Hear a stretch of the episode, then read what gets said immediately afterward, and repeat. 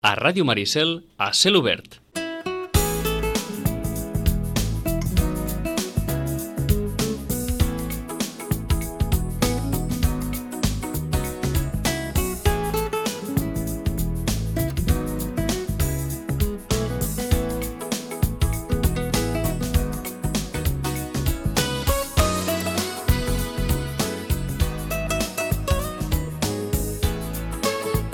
Minuts per arribar a un quart de... tres quarts, perdó, de 12 del matí d'aquest dijous. Feia dies que no la saludàvem i ens venia de gust i gairebé bé, gairebé hem, hem, ens hem menjat mitja hora, però eh, la saludem de nou, Rosana Lluc des de la llibreria Llorenç, des de Llorenç Llibres. Eh, bon dia, com estem? Hola, molt bon dia. Fa, eh, fa calor, retrobada. Sí, a calor, però... Home, Però estem bé, eh? anava a dir la calor, la calor, la fresqueta, la platja, la tombona i el llibre, Exacte, no? exacte. És un bon moment per agafar un llibre. Doncs escolta'm, com tampoc tindrem gaire temps, perquè ens hem d'allargar fins a les 12 i falten mm, 17 minuts, eh, si et sembla comencem per alguna recomanació ja. Doncs comencem per una recomanació. Ha sortit un llibre que és novetat i després els altres ja, ja no ho són, són recomanacions però no són novetats, que és un llibre de contes d'un senyor que, bé, que el Jaume Vallcorba, l'editor de Cantilado i de Quaderns Crema, aquesta vegada ens ho ha editat en castellà, en Cantilado, eh, li ha fet un opuscle petitet que regala, que es diu que ha fet, l'autor ha fet 80 anys. Es Mhm. diu, no, no, mm, ho pronunciaré malament perquè no ho sé pronunciar, però és la Vomir Mrozek, eh? Uh -huh. M-R-O-Z-E-K. Eh? I el llibre que ens publica ara és un llibre, un recull de contes que es diu El elefante. Eh? Per aquells que els agradin els contes irònics, eh, divertit, eh, satírics, eh, bé, la veritat, és una... El, el Mrozek s'ha convertit doncs, eh, precisament en un autor que a Polònia, al seu país, doncs, eh, la veritat és que és un senyor que és molt conegut. A casa nostra comença a ser-ho, perquè el Valcorba ja fa molts anys ja li va publicar reculls de contes, eh? es veu que induït una mica per el que seria el, el, el Quim Monzó, i en aquest cas doncs, eh, té un humor d'allò punyent, eh, de vegades doncs, sembla, sembla molt cínic, eh? I la veritat és que si us voleu divertir, agafeu aquell llibre de contes que es diu El elefante. El Elefante, eh, que ho publica el Cantilado de la Vomit Lasek, si no ho he entès malament. Sí, Rosec. eh, sí, el que passa que no sabem pronunciar gaire bé, No, però, paté. però és una... La veritat és que són contes curts, Mhm. són contes que van molt bé. Doncs això, si estàs en el tren, a la platja, vaja, o a casa teva. El que Mhm. passa que, bueno, eh, que penseu que sempre tindreu un somriure, mm?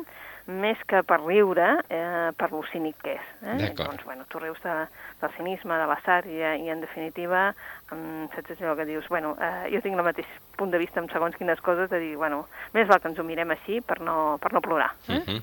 Un llibre refrescant, per tant. Un llibre refrescant, sí, és un llibre refrescant. Uh -huh.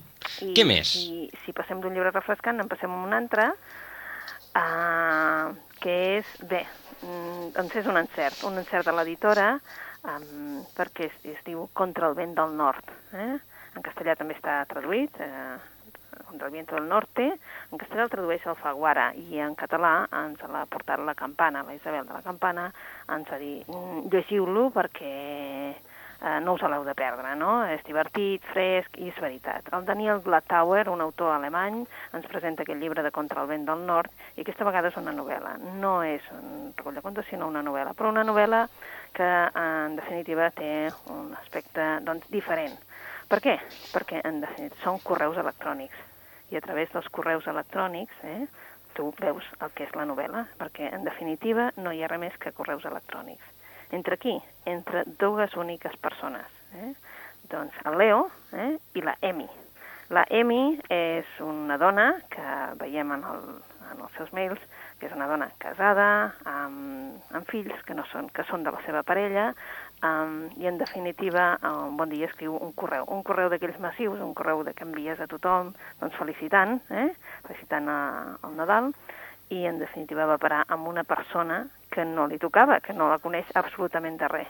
A partir d'aquell moment, el Leo, que el rep aquest mail per error, eh, d'aquesta desconeguda, doncs es comencen a tenir una relació, una relació virtual. Uh -huh. Eh, Una relació que cada vegada serà més estreta perquè, en definitiva, eh, ell, com que és molt educat, li contesta el primer mail i a través d'aquest primer mail veurem que n'hi han tota la novel·la. És a dir, cada vegada es connecten ells a la nit i tu veus que cada dos segons o cada tres o cada 15 o cada tres minuts hi ha un mail. Eh? Què passa? Doncs que tu la llegeixes amb la mateixa rapidesa que, que són els correus electrònics, perquè si hi ha alguna cosa que tenen els correus, doncs que, és, que tot és molt ràpid, no? Uh -huh. um, què té de gràcia la novel·la? Doncs el llenguatge, que no és gens... Uh, uh, la manera de sentir-se tret una persona i l'altra i en definitiva ens estan explicant una història de sentiments, una història en la que hi ha dos personatges implicats i per què algú de cop i volta es pot sentir atret per una persona que no ha vist mai, perquè no el veu, aquesta és la gràcia, eh, tots dos se senten atrets i què passa exactament a la, amb aquest sentiment de que, esclar, mm, veureu que és una novel·la descarada, una novel·la divertida, una novel·la que en definitiva ens parla de dos personatges uh -huh. i la seva atracció. I un plantejament original en la seva confecció, original, pel que expliques. Molt original. La veritat uh -huh. és que l'editora ja ens ha promès que eh, a la tardor ens ve el segon llibre d'aquest autor, Um, a Alemanya ha sigut un èxit aquest primer, però és que aquí també ho està fent, uh -huh. perquè ja us dic que tot aquell que la llegeix, doncs, eh, bueno, queda tret per Leo, sobretot, eh? Ens sentim atret per Leo, perquè, doncs, eh, ja us diem que Leo és professor, per tant, totes les seves respostes tenen la gràcia del llenguatge, saps? Uh -huh. És molt, vull dir, divertit, descarat, però alhora doncs molt ben escrit. Doncs Contra el vent del nord, que publica el Faguara i també la Campana, de Daniel Lactauer. Lactauer, sí. Uh, una altra possibilitat, uh, doncs bé, uh, en tenim moltíssimes, però sabeu que fa pocs dies es va, es va donar el Premi Llibreter, uh -huh. i aquest any s'ha donat, uh, hi ha hagut dues categories. Mm? En català, amb Maletes Perdudes, que havien comentat moltíssim perquè doncs, havia estat un dels més venuts doncs, per Sant Jordi, i se'ns havia quedat en el tinter una altra autora, l'Elisabeth Strout. L'Elisabeth Strout ha guanyat el Premi Llibreter, eh? que passa que ja us diem que aquest any doncs, eh? l'han dividit, eh? Uh -huh. però bé, l'Elisabeth Strout guanya el Premi Llibreter mm, amb una obra que es diu O, o Life Olive, Kid Reich. Eh? Um, qui és aquesta Olivia, en tot, en tot cas? Doncs és una mestra, és una mestra retirada que viu en un poblet de Maine, a la part de Nova Anglaterra, mm, i és una dona mm, difícil, per dir d'alguna manera. Al principi la veus difícil. És una dona dura, de vegades té paciència, però de vegades mm, contesta allò com a d'una manera molt, saps? Uh, massa punyent, no? Uh -huh. um, Life eh, lamenta una mica totes les transformacions que hi ha hagut eh, al seu voltant. Eh, clar, les coses canvien, el poble canvia, i bueno, tot el món li sembla que tot aquell món que ella coneixia doncs, eh, va canviant. El que passa que el que no se n'adona que el que va canviant de debò també és el seu entorn més íntim, no només el exterior, sinó el, el de casa seva, diguéssim, no? de les persones més properes, doncs des d'un exalumne que en definitiva doncs, perd una mica les ganes de viure, eh, la solitud del seu fill, que se sent una mica doncs, massa, massa, massa eh, vigilat per la, per la seva mare, però sobretot el que li canvia doncs, és el, el seu marit, el Henry.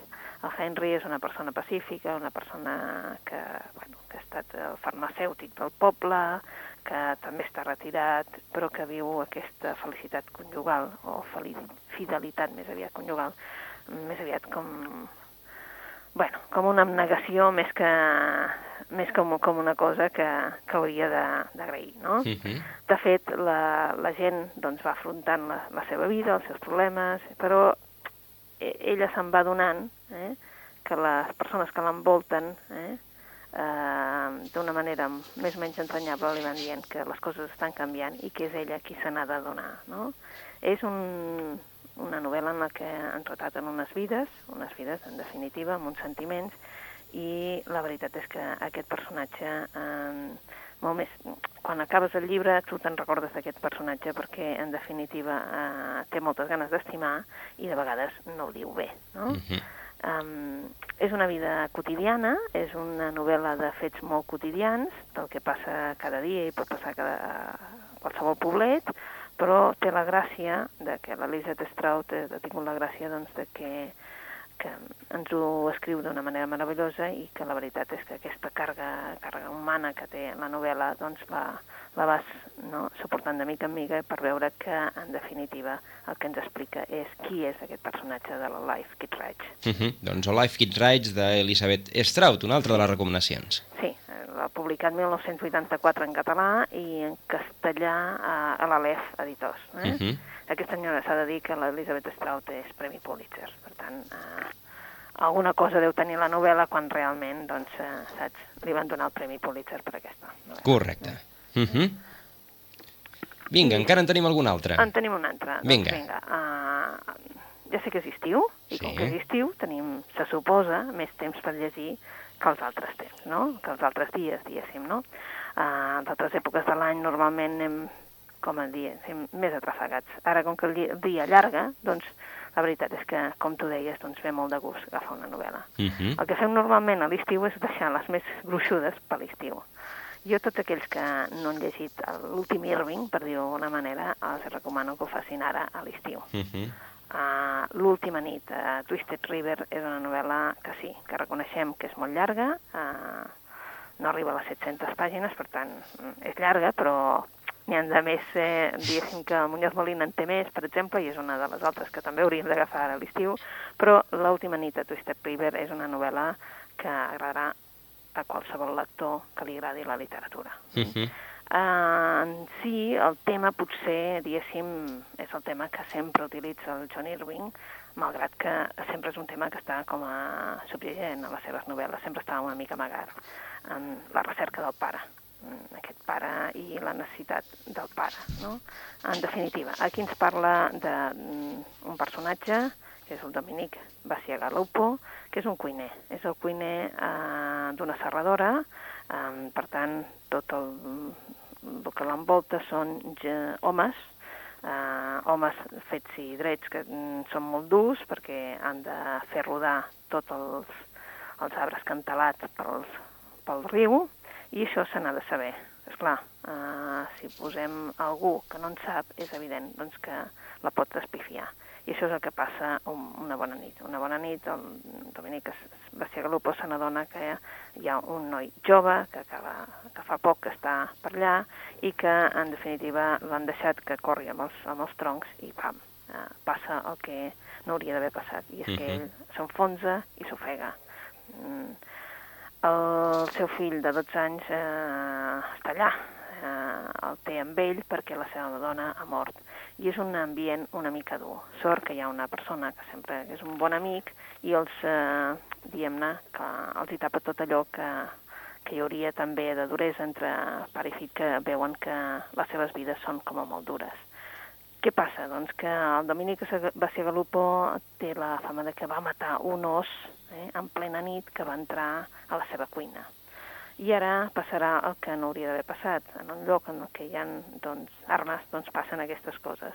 El nen, eh, un bona nit, eh, confonent el que podria ser un os que el volia atacar, resulta que era la nòvia del Godzilla. I aquest fatal accident, que ell mata la nòvia, eh, farà que el Dominic i el Dani, el nen, hagin de marxar. Uh -huh. Evidentment, marxar cap a un altre estat. Però el cal, eh, que és el Godzilla, els perseguirà. Els perseguirà per tots els estats.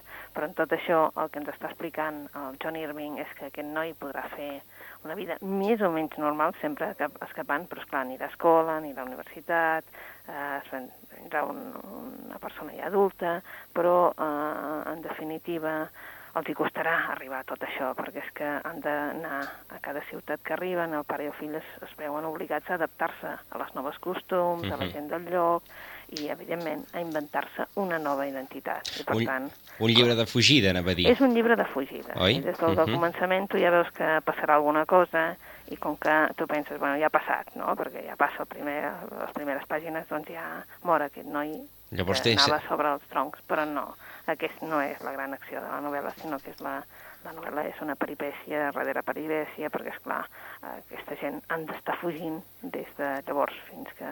Vale? Perquè Mhm. el cal uh, té aquesta venjança, aquesta set de venjança que no, que no la s'ha d'agarrar res si no es troba amb el, amb el nen. Mm. Doncs aquesta última nit de Twisted River la publica, si no llegeixo malament, Edicions 62 i Tusquets. Exacte, edició 62 en català i Tusquets en castellà. Uh -huh. Doncs 700 pàgines de, de Paul Irving que evidentment eh, doncs contenen moltes peripècies, aquestes peripècies de fugida que, en, que ens explicava la, la Rosana. Sí, a més a més, vull dir, és un, com un fresc, eh?, de tot el que passa des de l'any 54 cap aquí uh -huh. a Nord-Amèrica. No doncs... penseu en Nord-Amèrica més aviat profunda, eh? No penseu en Nova York, no, eh? Amèrica, no? Els pobles, eh? En la que es fa vida de poble, eh? No, no, no ho és, però sí que ja veieu que sí, evidentment hi ha... Eh, és Nova Anglaterra també, però esclar, és la part doncs, que hi ha serradores, eh, uh -huh. la gent es guanya la vida doncs, eh, serrant troncs, fent-los anar pel riu, etc, etc. Una vida com a més dura que no pas una vida de ciutat. Eh? Doncs aquesta ha estat la darrera de les recomanacions d'avui de, la, de la Rosana, la última nit a Twisted River de Paul Irving. També ens ha recomanat El Elefante, contra el vent del nord i Olive Kids Rights. És on, eh, doncs aquestes, avui només hem tingut temps per fer-ne quatre, la, la setmana que ve o d'aquí un parell de setmanes, Rosana, recuperem el, el temps dels llibres per, doncs, per això, perquè, perquè la gent busqui més, més recomanacions, tot i que si agafen la, del set, la, les 700 pàgines del Paul Irving, diguem que ja tenen, ja tenen per unes quantes setmanes, oi? Sí, però t'haig de dir que és que com que la veritat és que la, la qüestió de la lectura ja ho saps que és addictiu, llavors tu quan uh -huh. agafes una novel·la, si t'atrapa, en tens per molt poc. La veritat és que a mi em va durar res. Eh? Sí? Sí. Doncs una... Una setmana i no dura més. Eh? Doncs perfecte. Fins a les nits. Rosana Lluc, des de Llorenç Llibres, moltíssimes gràcies. Moltes gràcies a vosaltres. I ens retrobem d'aquí un parell de setmanes. D'aquí amb vosaltres. Moltes gràcies.